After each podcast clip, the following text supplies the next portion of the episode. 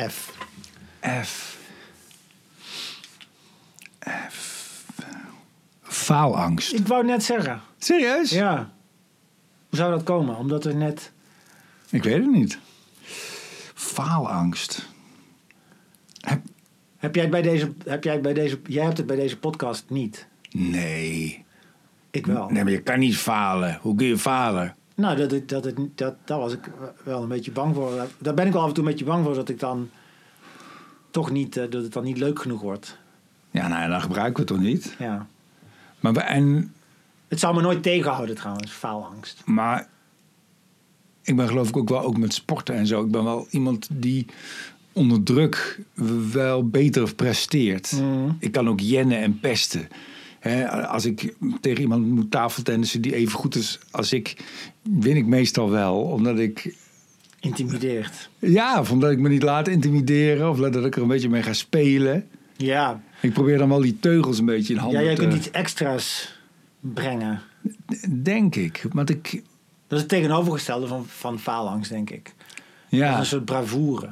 Jij, jij bent wel iemand met bravoure.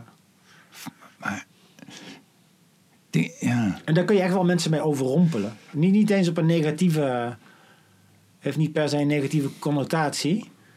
Maar met bravoure kom je denk ik echt een, een heel eind. Want dat Ja, wij- scheelt echt ik veel. weet ook, ik heb op een gegeven moment, toen ham, handbalde ik, dat was mijn sport. En dan moesten wij ook, eh, tijdens de training had je ook van, eh, van die statische krachtoefeningen. Dus tegen de, tegen de muur aan zitten. Je kent het wel. Mhm. Ja, dat is zwaar, En- dat, dat is zwaar en je benen gaan ontzettend branden. En dat vond ik ook altijd leuk om, dan gingen mijn benen natuurlijk ook ontzettend branden. Maar dan ging ik ook altijd zeggen, "Waar ik voel helemaal niks. Ik voel helemaal niks in mijn ja, ja. Ik, ik kan zo wel uren zitten.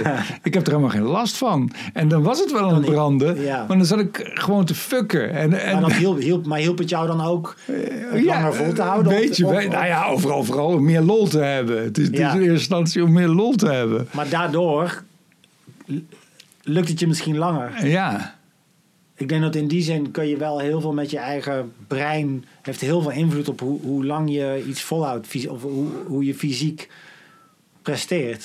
ik vind dat zo raar. Ik moet er altijd aan denken dat, dat tijdens, de, eh, tijdens de seks mannen ook zo kunnen falen. Omdat mannen ook een erectie moeten hebben Mm, om, se- om seks te kunnen hebben. ja.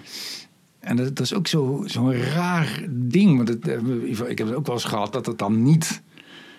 Dat je dan geen erectie kreeg. En niet omdat je niet geil was, maar gewoon omdat je er dan net iets te veel mee bezig bent. ja. Of als, als, dat, iets, als, als dat, dat iets te veel En bewustzijn als wordt. dat, als dat eenmaal ooit gebeurd is, dan, dan, is, het, dan, dan is die optie ineens weg, dan is die optie werkelijkheid. En dan Ja. wordt het een groter probleem, want dan ga je er nog meer mee bezig zijn. En dat zorgt er weer voor dat het probleem erger wordt. Ja, dus je moet. Totdat het je helemaal niet meer lukt. Ja, dat kan. Ja, dat heb ik. Dat er heb zijn denk ik mannen ja, die ja. dat gewoon in, in potentie een psychosomatisch probleem is. En dan, dat komt door die, door die visueuze, visu, visu, visueuze cirkel. Ja, dat is toch raar dat je soms een beetje, denk ik sowieso, naar, een beetje soms door je wimpers naar de werkelijkheid moet kijken. Ja. En als je het allemaal heel scherp gaat zien, of de, de- heel scherp gaat, geïsoleerd stukjes gaat bekijken, Ja. dan gaat het ook mis. Je moet ook zelf een beetje in de schoen komen en het Hetzelfde gewoon met doen. slapen. Dat als je gaat denken, ik val niet in slaap of ik heb te weinig slaap, of dan, dan zorgt dat er weer voor dat je nog slechter in slaap komt. Ja. Dus je moet uit die cirkel blijven. Zodra je die cirkel hebt aangeraakt, kom je in die cirkel en kan je alleen nog maar verder en verder en verder naar meer in neurose-spiralen. Ik moest een keer, toen had ik eh, voor, het, voor het eh, Nederlands Filmfestival, had ik een conferentie voorbereid. En die was live op televisie. Ja. En ik had die bijna niet kunnen try-outen. Ja. Dat was, was echt, ik deed dat echt vers. Ik had hem één of twee keertjes geprobeerd, een beetje. En eh, dus het, zat niet heel diep in mij, die tekst. En op een gegeven moment wist ik mijn tekst niet meer. Live op tv, je ziet het Wow. ook als je terugkijkt. Is dat op YouTube of zo? Of wat? Ja, dat is wel op YouTube te zien, ja. En op een gegeven moment weet ik het echt niet meer. Had ik een soort blackout. Ja.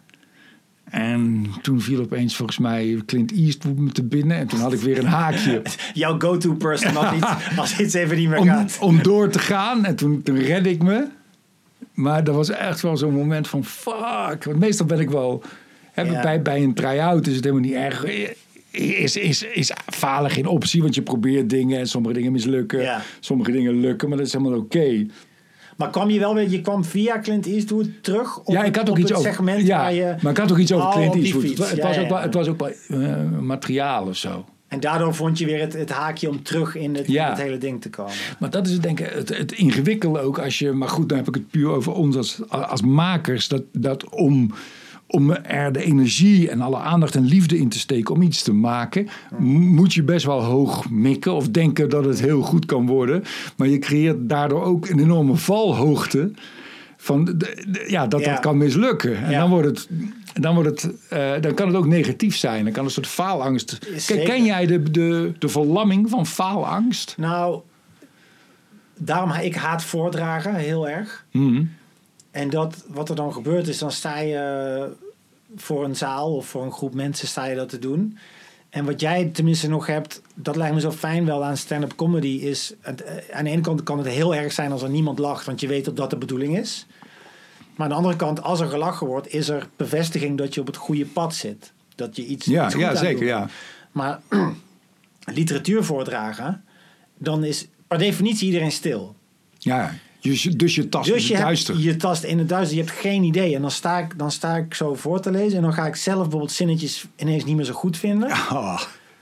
En dan denk ik, automatisch denk ik dan dus dat die, andere, dat die mensen dat ook allemaal horen. Dat zo'n zinnetje niet goed is of dat het niet goed werkt. En dan denkt iedereen dat, voor mijn gevoel.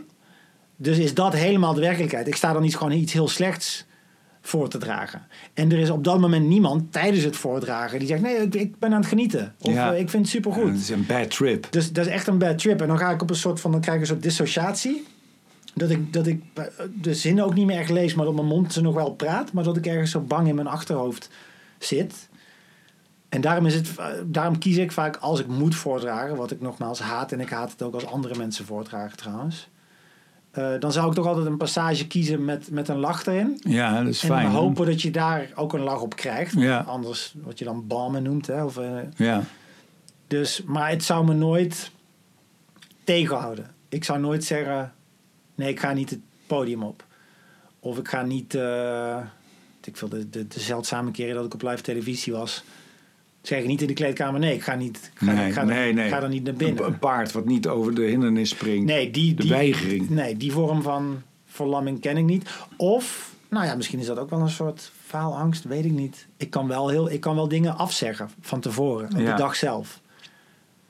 Eh, werkverplichtingen, schnabbels. En, en dan ik gewoon denk, ik kan daar niet naartoe. Ik ben daar niet toe in staat.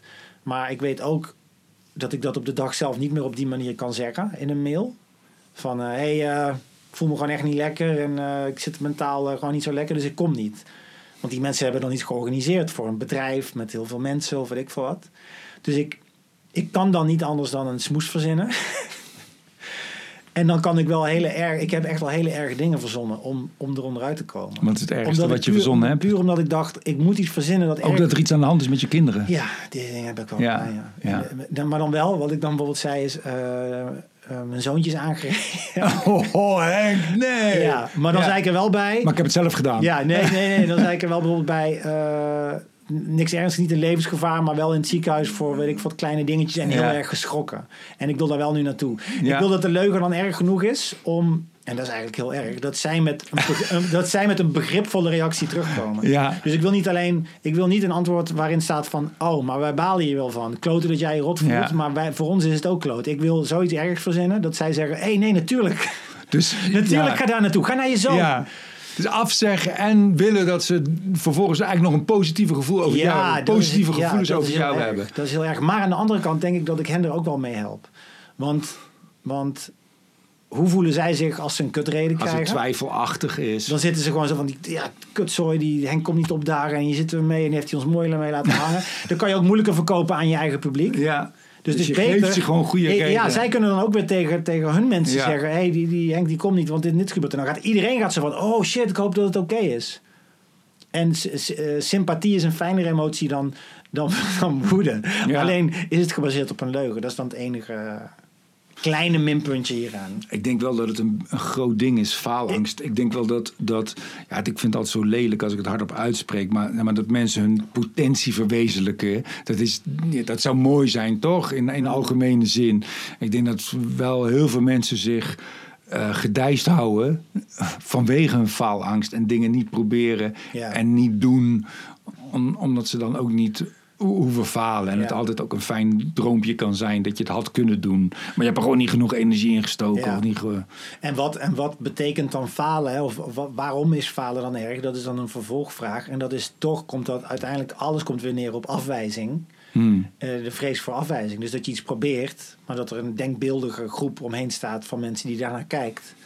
En die zo hoofdschuddend, Ja, dit is het niet. het Dit is ook klaar met die denkbeeldige groep van mensen. ja, die is verschrikkelijk. Die, Kunnen die niet eens weg? Kunnen die niet Ja, iets die- voor zichzelf gaan doen? Die denkbeeldige mensen. ja,